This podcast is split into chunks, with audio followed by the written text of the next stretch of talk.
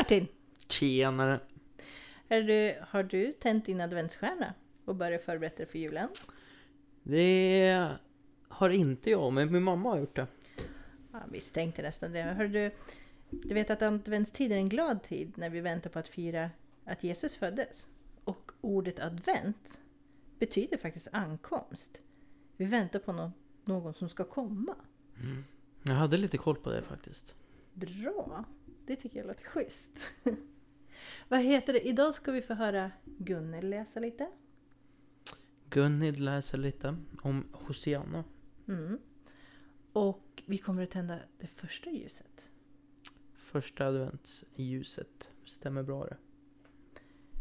Så roligt att flera kunde komma och lyssna också på våran podd.